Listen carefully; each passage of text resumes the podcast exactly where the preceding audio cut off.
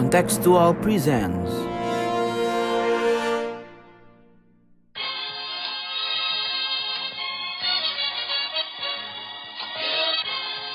sondern wir schaffen uns unseren Staat. Mr. Gorbachev, open this gate. Together, we will make America great again. Sudah cukup bagi kita untuk mengatakan bahwa winter is coming. Selamat datang di podcast Bebas Aktif. Yu yu yu yu. Di episode kali ini ada gue eh, Hafiz, ada Mas Abid. Halo Mas Abid dari London. Halo, assalamualaikum. Waalaikumsalam. Dan tentunya ada Mas Sofwan. Halo Mas Sofwan. Halo. Halo halo halo. Eh, di episode ini kita mau ngomongin yang lagi rame-rame nih. Apa tuh Mas? Ya, apa lagi kalau bukan Abu Janda ya? Iya, iya. Ampun Bang Jago. Buzzer favoritnya Mas Sofan ya? Jangan dong. Kita kita kalau sama dia cuma bisa ngomong ampun Bang Jago aja deh. iya. Eh tapi lo tau gak sih, gue tuh kemarin baca di detik.com ya, si Abu Janda ini, Mas Abu Janda ini ternyata lulusan University of Wolverhampton aja. Oh iya. Gokil kan? Iya. Coba coba lu bayangin ya. Coba lu bayangin dia sekarang lagi kuliah di University of Wolverhampton gitu ketemu Adama Traore. Kayaknya dia di tackle. Kalau rasis, kalau nggak rasis mah nggak nggak akan di tackle. Adama Traore mah baik. baik, baik emang. Iya iya. Ya hari ini kita ngomongin apa, Fis? Kita apakah? Oh ya sebelum sebelum kita mulai diskusi, kayaknya kita harus eh, mengucapkan itu dulu nih eh, sebagai sebagai podcast bebas aktif dan kontekstual ini, Mas Sofan perlu mengucapkan harlah NU ke 95 Mas. Silakan Mas Sofan. Oh, Waduh. Selamat Silakan Mas. ulang tahun Nahdlatul Ulama uh, Hmm. ke 95. Semoga terus menjadi inspirasi bagi kebaikan kemanusiaan dan keindonesiaan. Betul, mantap. Di mantap, podcast-. Selamat di harlah podcast- NU 95. Podcast. Selamat ulang tahun juga Visip UI. Oh, Oh iya, selamat ulang tahun juga Visip UI, mantap. Visip UI. Eh. Ini podcast makin tengah kanan nih gue lihat-lihat nih ya. Tadi Oh, udah gua kita bilang. kecuali Harlah NU. Ya udah. Oh, Eh, sudah. Keren. Selamat ulang tahun Partai Komunis Indonesia bulan. Aduh, aduh, aduh, aduh. ya banget. Tapi masalahnya lagi Februari nggak bisa ngucapin itu, Fis. Iya, iya, iya, iya, iya, iya. Eh, kan emang semenjak Majid masuk tuh podcast kita jadi podcast religi, bro. Betul, betul. Itu kayaknya tuh titik titik awal. Itu awal, coy. Iya, iya. Tapi ya, sekali lagi selamat hari lahir eh, ke 95 untuk Nahdlatul Ulama. Gue sebagai salah satu bagian dari keluarga NU sangat senang sekali dengan Ini kiprah organisasi Rois masa ini. Mantap. Roy Surya. Nah, NU Inggris ya Tap- kan? Cabang kontekstual. Ini berarti tadi tuh ucapan berarti datang dari warga Muhammadiyah ke warga NU ya. Yoi, yoi. Lo sebagai warga Tori gimana bisa? Gue sebagai warga sekuler juga turut mengucapkan Harlah NU lah tentunya. Iya, mantap, mantap. Pas banget tadi kan kita udah ngomongin tentang Harlah ke 95 Nahdlatul Ulama dan salah satu tema besar yang sering dibicarakan oleh uh, kaum Nahdliyin itu di antaranya mengenai isu demokrasi dan demokratisasi di Indonesia. Tapi ada yang lagi panas juga ya, Fis, ya, di uh, Asia Tenggara, di tetangga kita, tepatnya di utara kita. Sebenarnya ini negara nggak jauh jauh dari kita gitu. Kalau kita di Sumatera, itu ke utara dikit udah nyampe negara ini, tidak lain tidak bukan adalah Myanmar. Ya, Beberapa waktu yang lalu negara ini ada kudeta ya. Juga cukup ramai dibicarakan di Indonesia karena ada isu yang eh, sangat populer juga di Indonesia ya, Mbak, permasalahan eh, Apa, pindah ibu kota? Oh, pindah ibu kota. Oh, pindah ibu kota juga. Eh, teladan Indonesia untuk pindah ibu kota barang. Yoi. Iya, tapi yang lebih rame isu apa Rohingya itu ya karena eh, buat pas pas kemarin ada berita kudeta langsung eh, responnya itu kadang-kadang ada yang merespon wah ini karma ini ini ini gara-gara eh, Aung San Suu Kyi merestui pembantaian atau pengusiran di Rohingya gitu kan. Eh, nah ini yang kemudian eh, apa menunjukkan bahwa barangkali memang kita nggak terlalu kenal dengan Myanmar ini gitu ya karena si pelaku kudeta eh, si Jenderal Min Aung Hlaing ini ini adalah orang yang justru paling bertanggung jawab atas peristiwa uh, Rohingya itu ya yang apa dalam uh, beberapa tahun terakhir ini memunculkan pengungsian besar-besaran ke luar Myanmar itu. Jadi bukan karma ini, ini malah Iya. uh, yang lebih berbahaya lagi muncul. Lebih lebih serius situasinya di uh, Myanmar di dalam negeri dan lebih hubungannya dengan. Rohingya. Jadi ini ini bukan kabar baik juga buat Rohingya. Ini kabar yang lebih buruk karena laporan dari eh, apa penyelidik PBB independen yang dikirim ini menemukan dan menyebut nama-nama orang yang bertanggung jawab atas eh, peristiwa apa eh, kejadian-kejadian di Rohingya itu ya jelas pimpinan militer dan salah satu yang disebut eh, tentu saja adalah ya pimpinan tertinggi militer ya eh, Commander in Chief dari Tatmadaw ini Min Aung Hlaing. Nah, yang lo tahu tentang kudeta ini apa, Fis? Yang gue tahu dari kudeta ini adalah pertama jelas-jelas bahwa ini diawali dari hasil pemilu yang eh, dianggap tidak sah, yang eh, oleh kubu oposisi dianggap tidak sah gitu kan. Oh ini jadi sama ini stop stop the steal. Wah, sama dengan stop the steal, sama dengan eh, yang di Bawaslu juga kayaknya. Aja. Jadi, gak jadi. Salah ngomong. Kan ya. Tapi eh, iya diawali dari eh, si militer juga awalnya apa kubu militer dan oposisi ya itu membawa juga eh, kasus ini ke tingkat semacam bawaslunya juga eh, lewat MK juga dan memang setelah di apa Januari kemarin memang ditemukan MK MK-nya tidak menemukan adanya kejanggalan dari eh, apa pemilu kemarin karena si apa eh, kubunya Aung San Suu Kyi dapat sekitar 85% dari eh, parlemen dan kubunya militer bilang ada sekira- sekira-kira ada 10 juta pelanggaran yang terjadi dilakukan oleh kubu yang memenangi pemilu yaitu kubunya Aung San Suu Kyi. 10 juta pelanggaran. 10 juta pelanggaran. 10 juta. Ah, 10 juta pelanggaran apa 10 juta pasang suara? 10 juta Berapa? surat suara yang dilanggar. Jadi bisa dihilangkan, bisa ditambahkan. Pokoknya ada 10 juta pelanggaran tuh dari surat dari surat suara itu. Menurut menurut militer ya. Menurut militer. tentunya. Terus eh, tapi MK tidak menemukan tersebut. Nah, makanya hari tanggal 1 Februari kemarin adalah hari pertama parlemen baru bekerja yang langsung eh, dilakukan kudeta, yang langsung ditangkap eh, tim Bahkan belum bekerja bukan, Fis? Baru hari mau pagi. Iya, emang harusnya hari pertama hari baru baru mau dilantik kan? Baru mau Iya, ada kemarin kemarin 1 apa, Februari tuh peresmian kayak gitu. dilantik langsung kerja tuh ya kan kalau apa kalau parlemen kan gitu kan ya eh, dilantik terus langsung eh, apa debat dan segala macam Hmm. nah mereka paginya mungkin nih baru seneng selamat ya pakai foto-foto jas baru gitu pagi-pagi soalnya masih ada yang senam aerobik kan tuh kali pagi-pagi. ya. kan. Iya. Mas Sofan nih kayaknya ngefans nih sama yang senam aerobik nih. Karena itu menunjukkan betapa eh, peristiwa ini tuh sangat internasional gitu. Oke, betul. Eh, betul, di berbagai dimensinya gitu. Jadi lagi ada kudeta, ada orang aerobik pakai lagu konon lagunya lagu eh, populer eh, apa eh, yang populer di TikTok gara-gara eh, dibuat sama orang Indonesia itu yang yang ampun Bang Jago gitu katanya begitu. Ini Tapi hati-hati menunjukkan mas, ini masih belum belum pasti nih. Ntar kita nyebarin hoax lagi dibilangin. Nah itu katanya kan ini baru ngomong katanya ini nanti perlu diverifikasi. Makanya, tapi intinya ya, yang kita tahu kayak gitu. Nah, eh, di pagi 1 Februari, eh, Aung San Suu Kyi, presiden, eh, dan semuanya ditangkap.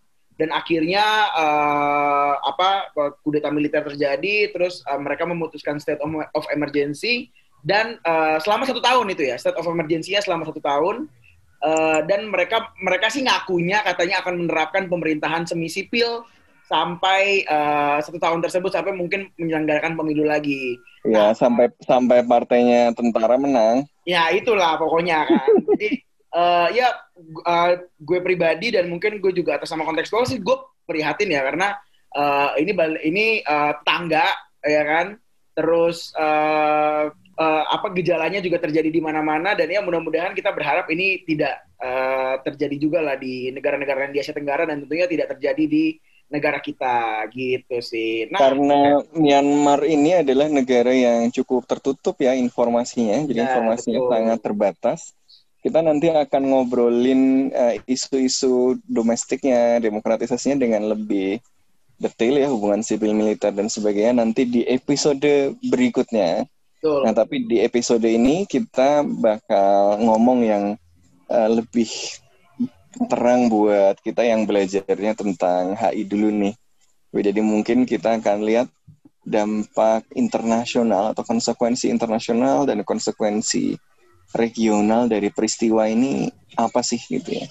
Iya, salah satu yang paling yang yang pertama uh, mengutuk kejadian ini tuh Amerika kan uh, di bawah Secretary of State yang baru Anthony Blinken itu benar-benar uh, menyesalkan kejadian tersebut dan meminta Aung San Suu Kyi yang sedang, sekarang sedang ditahan oleh militer Myanmar itu untuk segera dilepaskan dan ini memberikan dimensi baru. Rasa-rasanya ini akan berbeda kalau misalkan uh, Secretary of State-nya masih Mike Pompeo. Jadi karena ini Anthony Blinken uh, diberikan mandat oleh Joe Biden untuk uh, mempromosikan kepemimpinan Amerika Serikat di dunia lagi seperti yang sebelumnya dan juga kemudian mengedepankan uh, demokrasi sehingga uh, retorika pertama yang muncul dari Amerika Serikat adalah menyesalkan kejadian ini dan meminta uh, penyelesaian yang lebih demokratis dan uh, ini katanya ini uh, we call on Burmese military leaders to release all government officials and civil society leaders and respect the will of the people of Burma uh, gitu. Jadi jadi dukungannya terhadap democratic elections gitu. Uh, salah satu yang menarik ini Blinken ini menyebutkan kata Burmese bukan Myanmaris gitu. Nah ini ini hal yang cukup menarik karena penyebutan kata Burma sama Myanmar itu selalu politis gitu. Inggris betul. itu kalau nggak salah masih menggunakan kata Birma alih-alih yes. Myanmar karena betul, betul. Karena kan uh, jadi Birma itu menyebutkan pada rezim yang sebelum uh, junta militer yang sekarang uh, yang itu dianggap lebih demokratis dan punya apa ya punya mandat yang lebih uh, valid itu kata uh, Inggris atau kata mereka yang menggunakan kata Birma. Kemudian jadi uh, penggunaan kata Birma ini me, me, mendelegitimasi uh, junta militer sampai sekarang, which is very interesting karena kita lihat Aung San Suu Kyi walaupun waktu awal-awal uh, terpilihnya sebagai pemimpin Myanmar juga uh, tetap orang-orang uh, itu tetap menggunakan Burma jadi ada ada apa namanya ada kompleksitas dalam penggunaan nama ini. Tapi yang menarik lagi-lagi Amerika menjadi salah satu yang pertama untuk uh, berbicara soal kejadian di Myanmar ini. Kalau menurut Mas Sofan ini kenapa Mas? Kenapa Amerika Serikat salah satu yang pertama ini? Oh sebenarnya kenapa? bahkan Hmm. sebelum peristiwa kudeta ini kedutaan besar negara-negara barat kan sudah uh, mengeluarkan concern ya karena sebenarnya rumor akan peristiwa kudeta ini sebenarnya sudah terdengar beberapa hari sebelumnya jadi sudah sudah beredar ini uh, rencana ini gitu jadi orang-orang kudetanya sudah tes the water dulu kira-kira bagaimana oh ternyata Iya cuma kecaman-kecaman gitu doang kayaknya. Uh, jadi kayaknya bisa dieksekusi gitu ya. Nah, uh, tapi yang memang yang menarik adalah kenapa Amerika Serikat juga mendapatkan posisi yang agak sulit ini ya, uh, karena Biden itu kan uh, tampil dengan menjanjikan uh, kembalinya kepemimpinan Amerika Serikat ya di dalam Ya, panggung uh, hubungan internasional ya.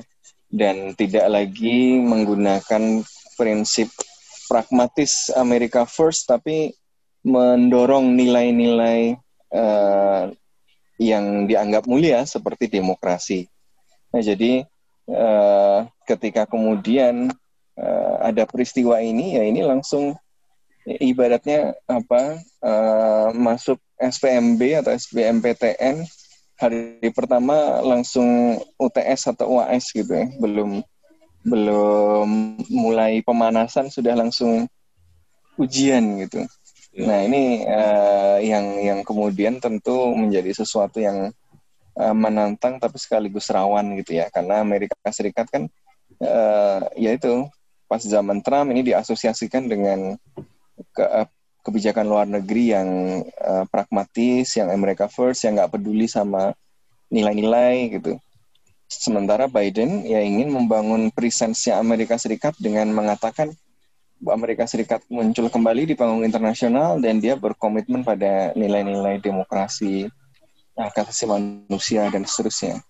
Nah dengan kondisi ini ya tentu ini jadi jadi ujian pembuktian gitu kan. Nanti uh, Trump dan kawan-kawan akan ngomong ah tuh lihat tuh Biden ngemeng doang gitu kan. Tapi kalau dia intervensi banget, tuh lihat kepemimpinan Amerika kalau terlalu ini dia campur tangan ke mana-mana tuh, gitu ya. Jadi, nah ini serba uh, apa ya posisi yang yang yang serba salah juga gitu ya dari Amerika Serikat. Makanya responnya masih normatif kan, masih mendorong penyelesaian yang uh, damai gitu ya. Kemudian ya, ya ada konsekuensinya, tapi uh, kita belum melihat ada uh, ancaman yang terukur ya dan dan konkret ya walaupun uh, tentu ada dorongan untuk melakukan itu dalam beberapa hari ini gitu. Uh, yang yang menarik juga itu fakta bahwa uh, Joe Biden kan me memberikan sinyal bahwa fokus teater diplomatiknya kan akan bergeser nggak lagi di uh, nggak lagi di Timur Tengah atau di Eropa, tetapi di uh, Asia Pasifik atau di Indo Pasifik dengan penyebutan yang baru. Jadi Indo Pasifik uh, betul. Ya Indo Pasifik. Jadi jadi akan ada uh, mungkin menurut menurut gua bakal akan bakal bakal bisa kita lihat lebih banyak perhatian dari Amerika Serikat pada isu-isu yang terjadi di uh, Indo-Pasifik khususnya yang ada kaitannya dengan Cina. Nah, Cina juga menariknya melalui uh, melalui uh, Menteri Luar Negerinya uh, Wang Yi mengatakan bahwa ya Cina mengharapkan situasi segera stabil secara politik dan secara sosial dan uh, semua pihak ada, yang ada di Myanmar dapat menyelesaikan perbedaan-perbedaannya secara konstitusional. Yang, ini juga yang menarik satu, banyak juga media Tiongkok itu yang menyebut ini dengan Eh, menggunakan istilah resmi dari uh, Tatmadaw ya, yaitu uh, kabinet uh, apa reshuffle gitu, semacam semacam apa uh, perombakan kabinet gitu. Jadi bukan kudeta tapi perombakan kabinet di Myanmar. Ya, yang yang yang mensinyalkan bahwa hmm, gimana? Dan ini poin menariknya adalah ya tadi uh, karena Biden ini pengen geser ke Indo-Pasifik dan Myanmar itu ya kurang lebih uh, hotspotnya Indo-Pasifik karena Myanmar itu dekat dengan Asia Selatan. Dia adalah wilayah yang menghubungkan Asia Tenggara, Asia Timur dengan Asia Selatan ya. Yang menghubungkan dengan Samudra Hindia, menghubungkan dengan uh, uh, in, Indo culture gitu ya.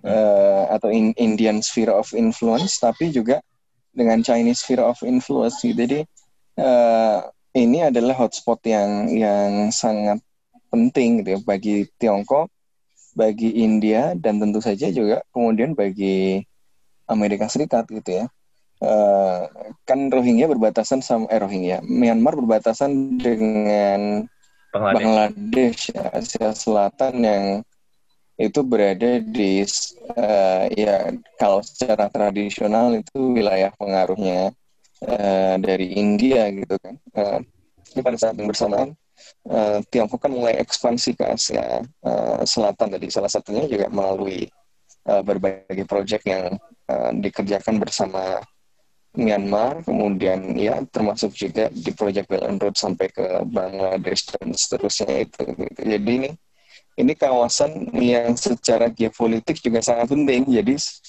akan sangat berpengaruh kepada konstelasi ya, internasional ya, konstelasi di kawasan. Makanya memang Amerika Serikat rasanya tidak ingin kehilangan inisiatif di situ, ya.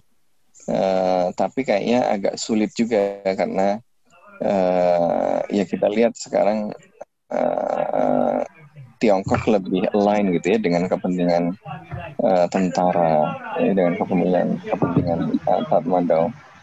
Pun ya dan dan dan Cina juga punya China Myanmar Economic Corridor yang mencoba menghubungkan uh, jalur transportasi antara China dan Myanmar uh, yang yang gue yakin juga merupakan bagian dari Belt and Road Initiative ya. Di situ ada uh, pipa gas dan pipa minyak dan tentu jika kita berbicara mengenai energi, berbicara mengenai jalur perdagangan pasti memiliki uh, kepentingan geoekonomi dan geostrategis yang yang yang signifikan buat uh, Cina. Ya tadi Mas Sobat benar juga ini ini political flashpoint antara uh, Indo-Pasifik dengan Belt and Road Initiative nih. Fis, menurut lo gimana Fis mengenai great power politik di kawasan ini, Fis? Uh, gue pribadi uh, memang gue kan gak banyak riset ya soal Myanmar dan uh, China uh, dan US. Tapi yang uh, gue fast selalu fascinate uh, dengan situasi di Myanmar, bukan fascinate kali ya, gue suka apa tertarik baca Myanmar adalah selalu dengan hubungannya uh, dengan uh, tentunya dengan UK, kayak gimana apa uh, gue pernah nonton, gue pertama kali itu tahu soal Myanmar, uh, jujur waktu gue nonton uh, Myanmar spesialnya Top Gear. Di ya kan uh, dan di dari situ gue bisa tahu tuh uh, mereka nyebut Burma dan segala macam dan gimana mereka juga ngejelasin situasi politik. Dan uh, yang gue tertarik malah justru ngelihat uh, kayaknya apa yang dilakukan oleh Myanmar uh, apa yang dilakukan oleh Myanmar dalam beberapa tahun ke belakang uh, seperti membangun ibu kota baru terus apa dan infrastruktur-infrastruktur yang lain ya memang benar ada ada sebagai apa sedikit banyak pengaruh dari Tiongkok dan uh, gue juga nggak tahu ya kenapa soal itu human rights di uh, Rohingya itu uh, masih lebih kecil uh, paparan dari US-nya. Apa karena memang kemarin ada hanya karena Trump? Atau memang simply Amerika not really interested with uh, the Myanmar situation menurut dia daripada kayak mungkin costly atau mungkin apa apa nggak align dengan uh, foreign policy-nya juga. Gue nggak tahu ya tapi uh, kayaknya itu juga yang membuat situasi di Rohingya uh, semakin pelik. Jadi uh, ya strong strong apa Chinese influence dan uh, apa ya tadi demokrasi yang uh, tidak di atau mungkin karena gak ada minyak juga mungkin gue nggak tahu ya jadi uh, tapi intinya sih uh, gue ngerasa ya dalam beberapa waktu ke depan memang uh, China Myanmar yang bakal uh, jadi China bakal jadi uh, partner Myanmar terbesar dalam uh, tentunya ada, mungkin satu dekade lebih ke depan. Kalau sama kalau Biden nggak ngapa-ngapain. Iya. Ya kan ada kan di masa lalu kan juga ada itu, Fis lo tadi nyebutin mengenai Inggris juga kan di masa lalu untuk sekedar menyegarkan ingatan kita dulu kan Myanmar itu kan uh, penjajahnya adalah Inggris ya. Betul betul. Tapi betul, makin betul. ke sini makin ke sini keterlibatan Inggris di Myanmar juga makin sedikit gitu. Misalkan Nah, exactly. pertama kalau in, in in comparison kalau kita bandingkan dengan Hong Kong misalkan, ketika kita ngomongin Hong Kong langsung Boris Johnson kan akan akhirnya memberikan itu kan British overseas visa atau paspor. Kayak gitu. Tahu yang tahu kemarin di- tahu. Iya. sempat diomongin itu. Tetapi ini Iya. tidak berlaku di eh, di Burma atau di Myanmar. Jadi menurut gue ini juga uh, karena gerakan nasionalis Burma apa Burma atau Myanmar ini eh, sebenarnya gerakan anti kolonial juga yang kuat ya. Ya ya. Dulu ya, ada ya. apa? Enggak kalau tapi Eh. kalau oh, tadi mungkin ya gue juga miss sih. Uh, soal yang uh, UK tadi gue juga pengen bilang bahwa UK juga nggak ngapa-ngapain gitu soal demokrasi atau soal Rohingya Uh, dan soal even even sekadar kayak apa uh, berbisnis gitu kan uh, itu juga nggak dilakukan gitu sama UK nggak nggak Ya, masif kayak di sangat tertutup ya. Tapi sekarang sebenarnya mulai banyak eh, perusahaan Barat yang mulai invest di Myanmar ya pas masa transisi demokrasi ini eh, yang kemarin kemudian di pemilu sebelumnya apa partainya Suci menang gitu ya. Orang mulai melihat sebenarnya ada progres gitu. Jadi sudah mulai ada yang coba investasi. Tapi sebenarnya asesmen yang kalau mau melihat dengan jujur memang orang sebenarnya khawatir dengan proses transisi demokrasinya gitu ya karena eh, kayaknya nggak ada gejala-gejala transisi demokrasinya memang diniatkan untuk beneran komplit gitu ya karena eh, masih ada misalnya 25% persen kursi eh, apa parlemen harus dari tentara gitu ya. Kemudian tentara masih punya banyak kewenangan istimewa dalam politik ya termasuk menentukan beberapa menteri yang paling vital ya. Eh, lalu juga wakil presiden. Nah ini tentu eh, apa ya masih fase dianggap sebagai fase transisi. Tapi Ya, ya. orang tidak melihat bahwa eh, kayaknya kok ada ada ujung terowongan dari transisi ini gitu dan akhirnya memang sepertinya tentara merasa eh, kayaknya demokratisasi nggak terlalu penting dan nggak menguntungkan deh gitu ya buat elitnya gitu. Ternyata kita nggak bisa menunggangi demokrasi gitu. Jadi mungkin dia kurang apa oligarki Myanmar kurang belajar dari negara tetangganya yang bisa memanfaatkan demokrasi gitu kan. Eh, jadi to to to appear demokratik gitu ya. Eh, tapi tetap eh, bisa eh, ya meng- mengakumulasikan kekuasaannya itu kan seni tersendiri gitu ya. Mas, Mas, tapi Mas Sofwan, kalau misalnya gue ngelihat uh, internalnya Myanmar tuh sebenarnya cuman kayak uh, orang uh, sebenarnya sama nih kelakuannya, tapi beda geng aja. Persis Hmm. apa yang dipercaya, apa yang dia suka, tapi beda geng aja, jadi musuhan. Kalau gue sih kelihatan gitu aja sebenarnya. Ya. Tadi Mas Sofan kan nyebut mengenai negara tetangga, Mas. Jadi salah satu yang kita bicarakan kalau ngomong tentang Myanmar, kisruh di dalam negeri, terus Rohingya, itu kan kita pasti ngomongin eh, negara-negara tetangga, which means ASEAN. Nah, ASEAN kan selalu dipertanyakan ini mengenai bisa nggak sih sebenarnya ASEAN itu handle eh, Tapi situasi di menarik Myanmar? loh. Tadi termasuk ASEAN, eh, respon ASEAN itu termasuk cepat. Tadi pagi itu tiba-tiba sudah sudah ada ASEAN Chairman Statement on the developments in the eh, Republic of the Union of Myanmar. Dan di situ eh, ada pernyataan yang menarik ya. We recall the purposes and the principles enshrined in the ASEAN Charter, including the adherence to the principles of democracy, the rule of law and good governance, respect for pro- and pro- uh, respect for and protection for human rights and fundamental freedoms. Jadi ini Menarik, pernyataan Hmm, yang menarik menarik. banget ya kan jarang jarang ASEAN banget aja- ASEAN itu langsung cepet gitu Mas ya. Betul, cepat dan dan nyebutnya principles of democracy, rule of law and good governance gitu ya, dan human rights, fundamental freedoms. Cuma kalau dilihat poin-poin berikutnya eh, balik lagi ke ASEAN yang biasanya gitu kan.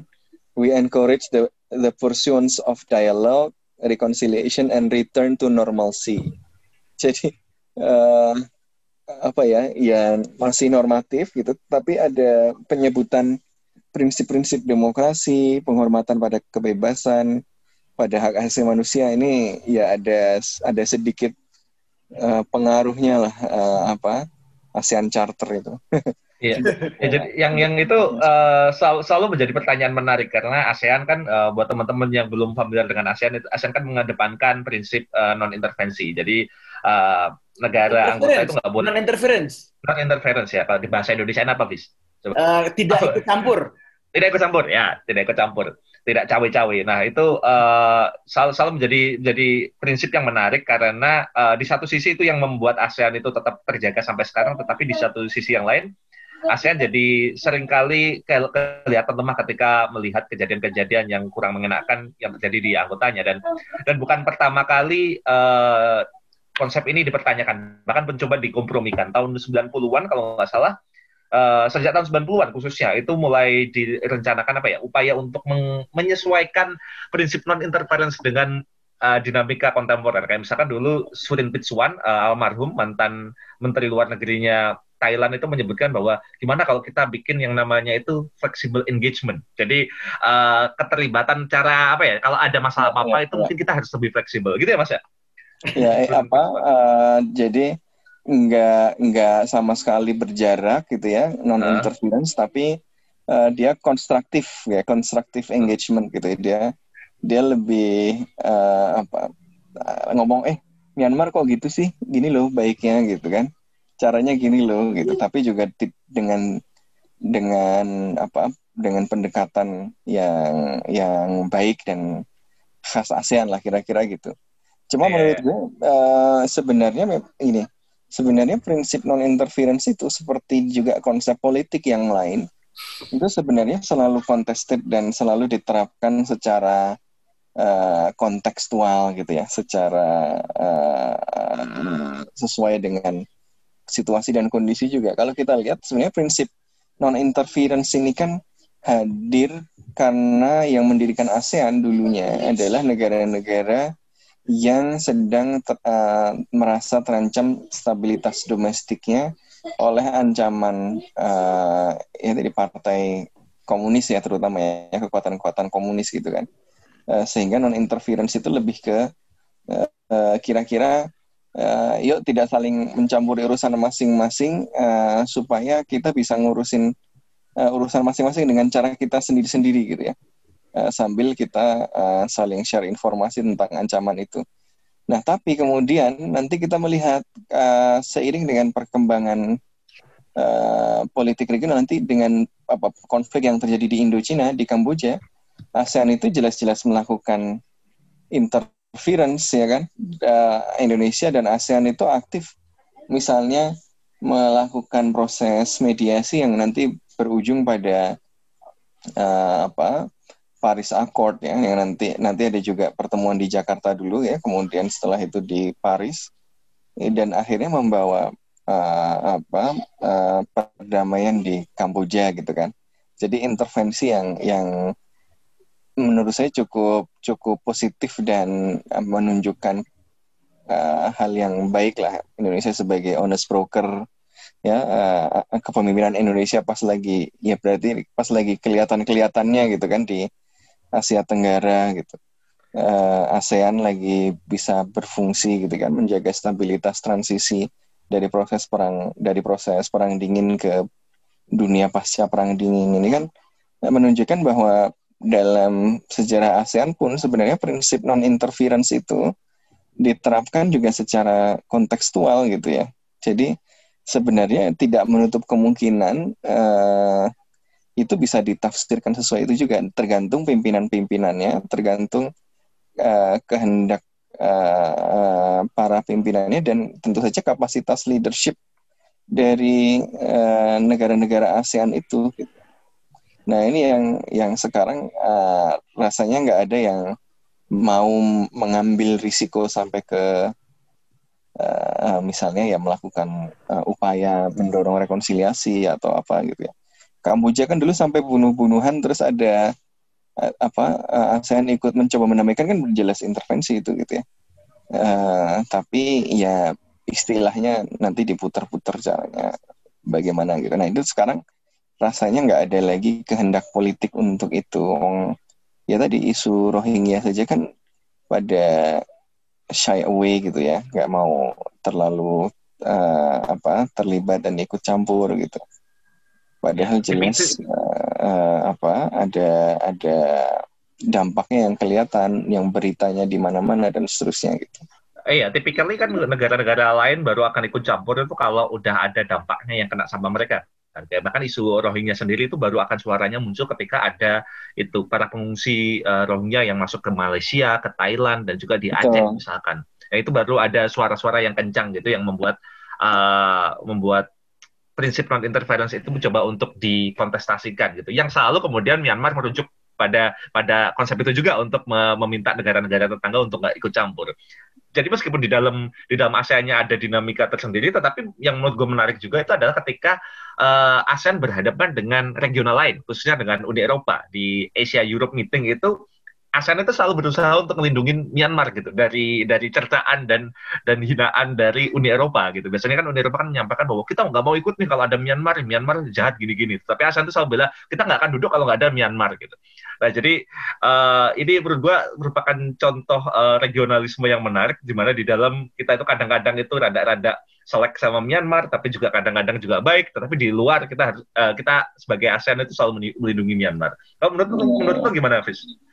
Kalau menurut gue sih selam, sampai ASEAN apa sampai ASEAN bisa uh, berani buat mengutuk uh, situasi domestik khususnya Rohingya di Myanmar sampai itu pula uh, ASEAN belum relevan menurut gue buat uh, buat uh, buat jadi sebuah organisasi internasional. Menurut gue ya uh, harusnya ASEAN punya kemampuan dan kapasitas lebih untuk uh, me merekonsiliasi segala sesuatu yang ada di negara anggotanya. Jadi bukan cuma antar negara anggotanya, tapi juga yang ada di dalam negara anggotanya. Karena menurut gue ASEAN tuh mampu, cuman uh, takut aja. Jadi yang nggak usah lah, tapi bikin mata uang bareng tuh jangan gitu. Tapi kalau bisa, at least, at least menyelesaikan masalah bersama, uh, memberikan kedamaian. Jadi dari sana kita bisa gerak jadi security community mungkin kalau misalnya bisa kayak gitu kan. Jadi arahnya jangan kayak EU juga gitu misalnya uh, apa free trade dan segala macam karena itu bukan nafasnya Asia Tenggara ya. Tapi uh, gue lebih setuju kayak kita bisa jadi security community sih. Menurut gue itu bisa dicapai gitu. Pantas Fis lo vote for Brexit ya Fis. hmm, ya, uh, nah, kalau tadi Mas Sofan kan ngomongin tentang itu Mas, uh, gak ada political will dari uh, ASEAN leadership gitu. Nah, salah satu yang sering kita bilang sebagai primus inter paresnya ASEAN kan Indonesia nih. Nah, Indonesia tuh per hari ini atau kemarin nih uh, dari Kemlu itu uh, saat kemarin kemarin satu Februari itu memberikan statement empat baris gitu intinya itu menyayangkan kejadian yang ada di uh, Myanmar dan dan juga me- merujuk pada ASEAN Charter sih, jadi menyebut mengenai rule of law, good governance, prinsip demokrasi dan constitutional government. Berarti mirip eh, yang ngedraft oh, mungkin orang-orangnya mirip tuh sama yang ASEAN Chairman of ASEAN itu. Nah, ya bisa jadi ya. Uh, sama me- me- meminta untuk seluruh pihak yang ada di Myanmar itu untuk menahan diri. Wah, sangat Indonesia sekali ya. Kalau ada konflik itu menahan diri untuk tidak uh, cawe-cawe terlalu dalam. Iya. itu itu sorry ya itu ini gue intermezzo tapi kalau misalnya dibayangin Eh. dalam gambaran ya itu kayak Bureto, weh weh, jangan jangan bro jangan bro jangan bro kalau Buretonya itu seperti iya juga. ya. Sabar, sabar dulu, sabar sabar dulu. sabar sabar sabar dulu sabar gitu iya Eh, salah satu yang eh, menurut gua menarik untuk melihat hubungan Indonesia sama Myanmar itu adalah beberapa tahun yang lalu khususnya kayaknya di di di akhir pemerintahan SBY sampai di awal pemerintahan Jokowi itu eh, keterlibatan kita dengan Myanmar itu cukup dalam tuh. Eh, Bu Retno sering bolak-balik ke eh, ke Rakhine State terus kemudian ngobrol sama eh, pemimpin Myanmar waktu itu. Bahkan eh, kalau nggak salah Indonesia itu satu-satunya negara yang di welcome sama Myanmar ketika menyangkut isu dengan eh, Rohingya gitu karena dianggap wah ini big brother ini ini saudara besar kita dan mereka cukup menerima eh, di awal-awal tetapi belakangan ini gue nggak ngelihat ada keterlibatan yang seaktif dulu lagi gitu mungkin ada ada prioritas politik lain eh, mungkin terkait dengan ekonomi diplomasi ekonomi yang lebih dibutuhkan dalam beberapa tahun terakhir mengingat ekonomi Indonesia hmm, tidak terlalu istimewa eh, perkembangannya eh, dalam beberapa waktu tahun terakhir. Tapi apakah memang seperti ini, Mas Sofwan? Apakah memang eh, keterlibatan kita dengan Myanmar dalam beberapa tahun terakhir ini rada-rada menurun dikit lah? Minimal beda lah sama akhir pemerintahan SBY dan di awal pemerintahan Pak Jokowi. Ya, rasanya memang eh, Indonesia banyak dilihat mengurangi keterlibatan gitu ya dalam isu-isu internasional eh, ya pada periode Pak Jokowi ini ya. Eh, keterlibatan di ASEAN maupun di organisasi-organisasi apa multilateral ya karena fokusnya juga karena Pak Jokowi ingin fokusnya di infrastruktur eh, dia juga kemudian eh, orientasi kebijakan luar negerinya didorong ke diplomasi ekonomi gitu ya, meningkatkan perekonomian, nyari investasi, pendanaan untuk infrastruktur dan seterusnya ya. Sementara eh, keterlibatan di dalam isu-isu internasional seperti ini eh, tidak memberikan dampak yang tangible untuk tujuan-tujuan itu gitu kan. Jadi kelihatannya memang eh, nggak terlalu eh, apa ya menunjukkan minat gitu di situ ya. Se- berbeda dengan SBY yang eh, yang senang sekali isu-isu internasional ya kan. Eh, jadi memang kayaknya memang ada perbedaan eh, posisi ya, perbedaan orientasi di dalam kebijakan luar negeri Indonesia ya dari periode SBY dan periode eh, Pak Jokowi ini gitu ya. Eh, walaupun keduanya dihubungkan oleh eh, orang namanya Jenderal Muldoko gitu ya. Tapi nggak ada hubungannya. dan Max Pacua ya. ya, assalamualaikum Mas Ahaye, semoga bisa mendengarkan podcast ini ya. Kita undang ke sini lah kalau perlu, Mas Ahaye. Eh, akhirnya punya itu loh apa eh, Yudhoyono Institute. Institut, oh iya, ya fokus di isu-isu HI ya, mantap Mas Ahaye. Kita nanti kita undang ke sini lah. Biar kita adu sama Mas Sofwan. Terus kita kita bikinin breakout room bis, eh, buat mereka berdua. boleh boleh siap gue mah Eh, kalau lo ngelihatnya gimana, Fis? Apakah memang eh, this is the right thing to do untuk fokus dulu di isu-isu diplomasi ekonomi dulu sehingga ya yang Myanmar bisa kita tahan gue dulu belum komentar se- soal apakah itu belum. right thing. Gue nggak komentar soal itu apakah right thing atau wrong thing ya, gitu ya. Kan kita tidak sedang mengevaluasi eh, kebijakan luar negeri Indonesia itu. eh, we eh, keep that for another episode lah gitu ya. Oke, oke, oke, oke, oke. Tapi memang eh, ada keterlibatan yang lebih terbatas gitu rasanya dari Iya. Indonesia di dalam isu-isu internasional. Nah, mungkin mungkin gua bak- bakal gua lempar ke Hafiz, Mas. Menurut menurut Hafiz, apakah Indonesia perlu untuk mempromosikan demokrasi di Myanmar?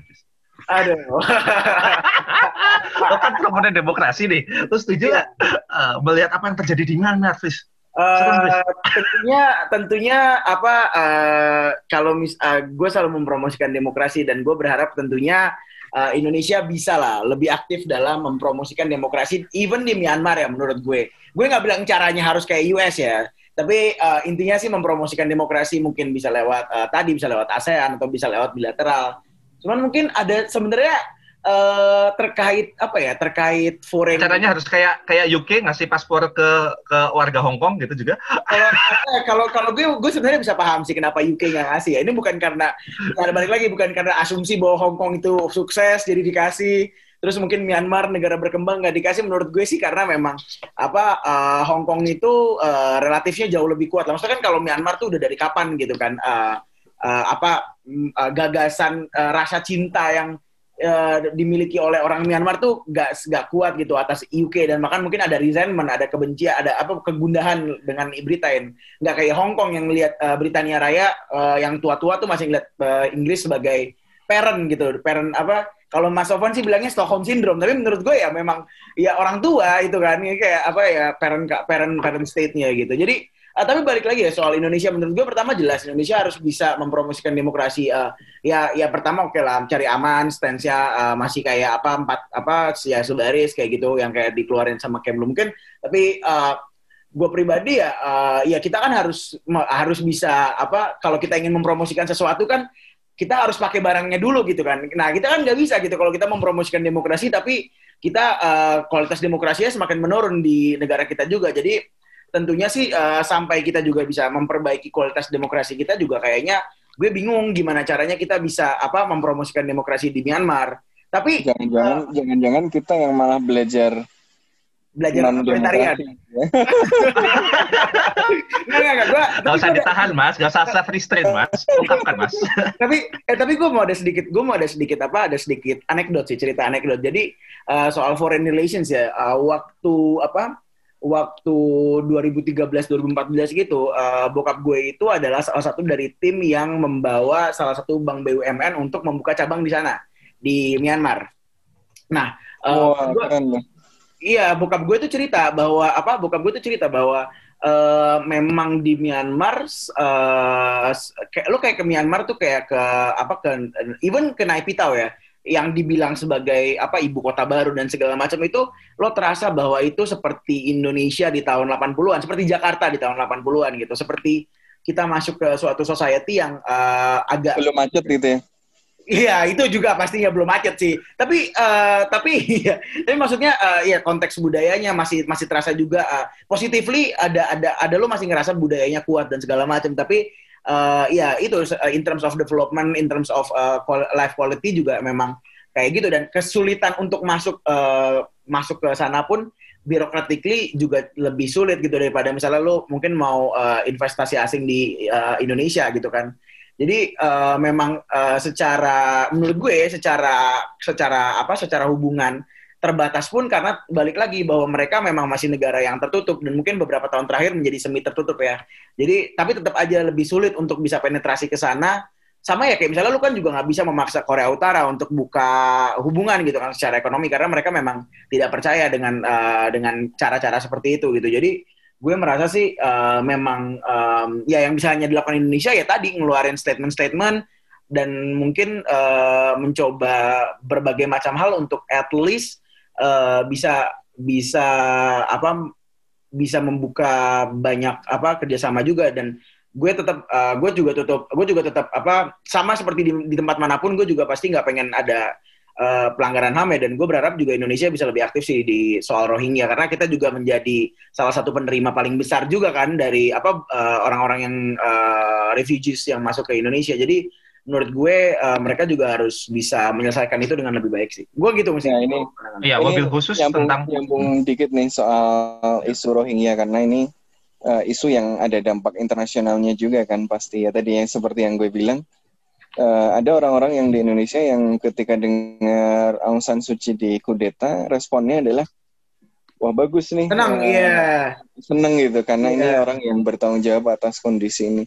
Padahal ya, ya tadi uh, kalau gue memahaminya uh, kenapa uh, Suci misalnya masih se seperti itu ya? Salah satunya karena konteks politik Myanmar juga gitu ya. Ini bukan membela Aung San Suu Kyi ya dan sikapnya sangat mengecewakan gitu. Tetapi dalam kondisi politik yang seperti itu gitu, transisi politik belum pasti gitu ya. Terus kita membutuhkan dukungan dari uh, publik yang publiknya kebetulan uh, sentimennya uh, sangat kuat anti Rohingya misalnya ya mengambil sikap yang uh, berseberangan dengan sentimen publik ya mengurangi risiko untuk menang pemilu, mengurangi risiko untuk uh, apa ya mendorong agenda yang misalnya beneran dia inginkan.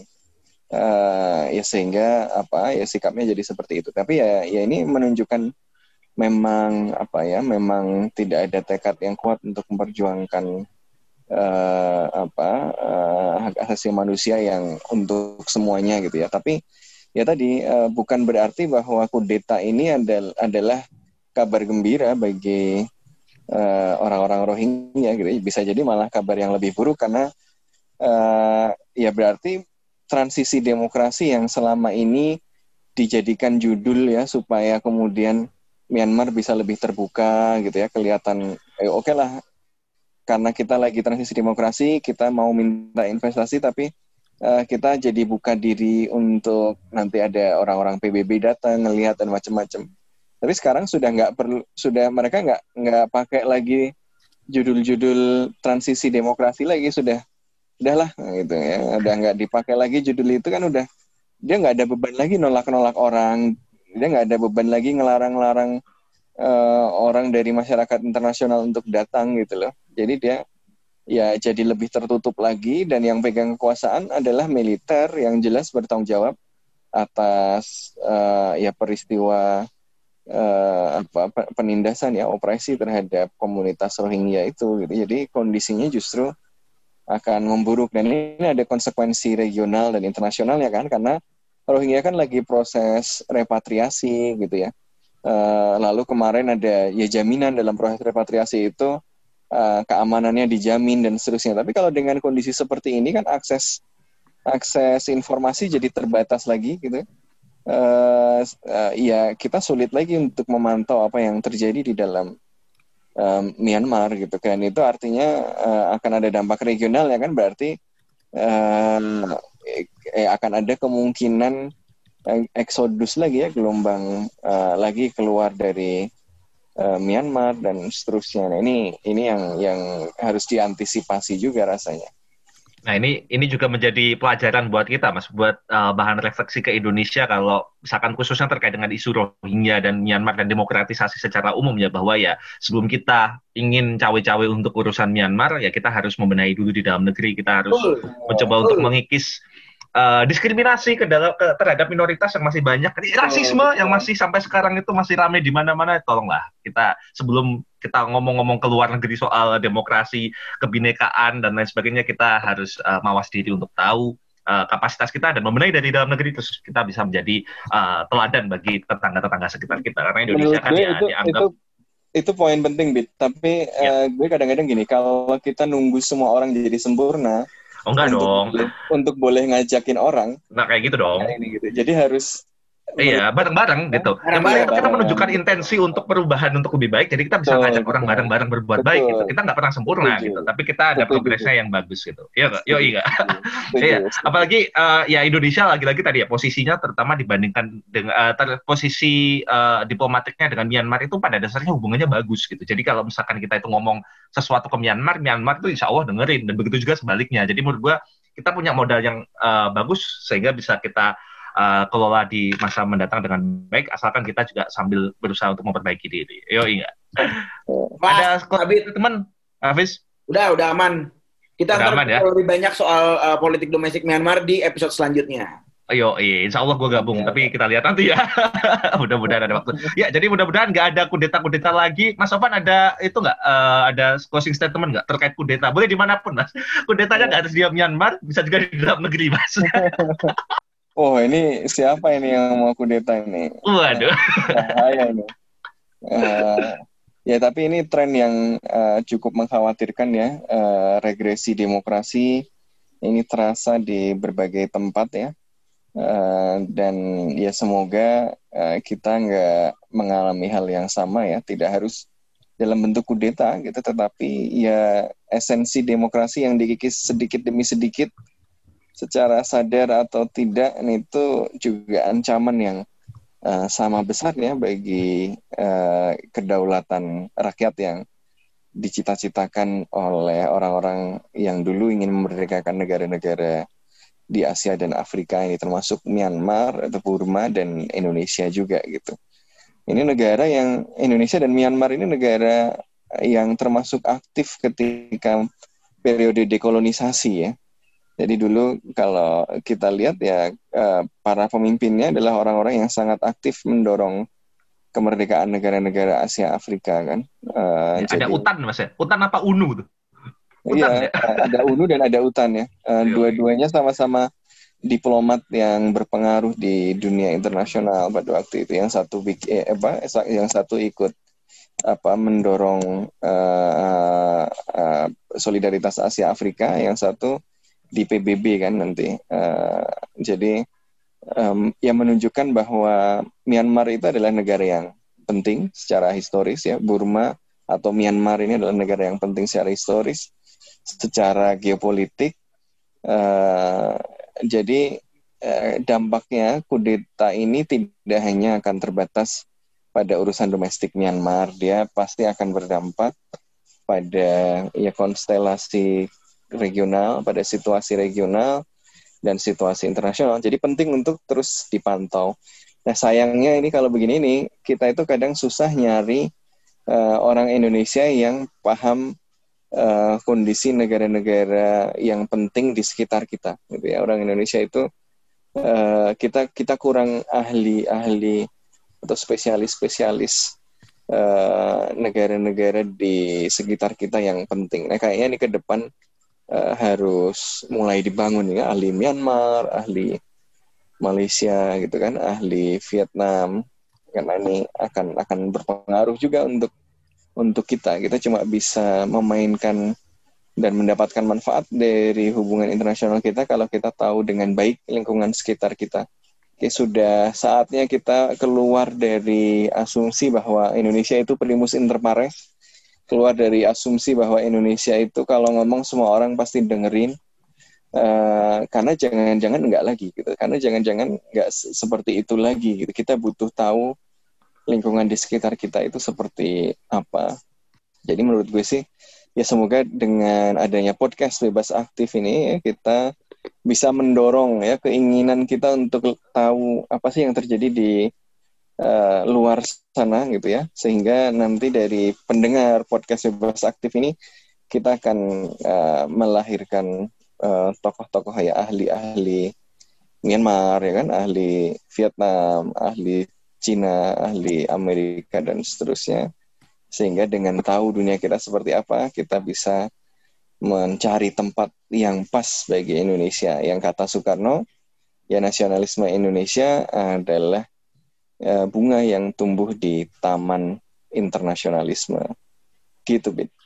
Mantap, ngeri-ngeri. Oleh karena itu, minggu depan kita akan hadirkan Mas Adi Prim, uh, siapa namanya? Adi Priyama Rizky. Ya. Adi Priyama Rizky yang akan ngomongin tentang uh, hubungan sipil militer Myanmar dan kondisi domestik di Myanmar. Uh, oleh karena itu, gue lempar ke Hafiz. Jadi pokoknya please uh, stay safe semuanya, banyak lagi dengar dan ya jaga jaga diri aja ya. Siap. Oke. Jadi uh, intinya sih memang Myanmar itu adalah sahabat, tapi uh, sahabat itu kan nggak nyuruh sahabatnya tumbuh, tapi kita juga ninggalin ya. Jadi uh, sahabat itu tumbuh bersama. Jadi mudah-mudahan kita sama Myanmar bisa sama-sama uh, kembali menjadi apa dua negara demokrasi yang uh, bisa diperhitungkan dan stabil dan tentunya apa ya uh, ntar gue jadi kayak kampanye jadinya. Ya intinya iya. lah, udahlah pokoknya gitulah. Pokoknya iya, stay safe buat Myanmar lah buat orang-orang iya. Myanmar lah. Sehat-sehat semua juga buat teman-teman yang mendengar. Sampai jumpa di episode selanjutnya. Bye bye bye bye assalamualaikum. Salam.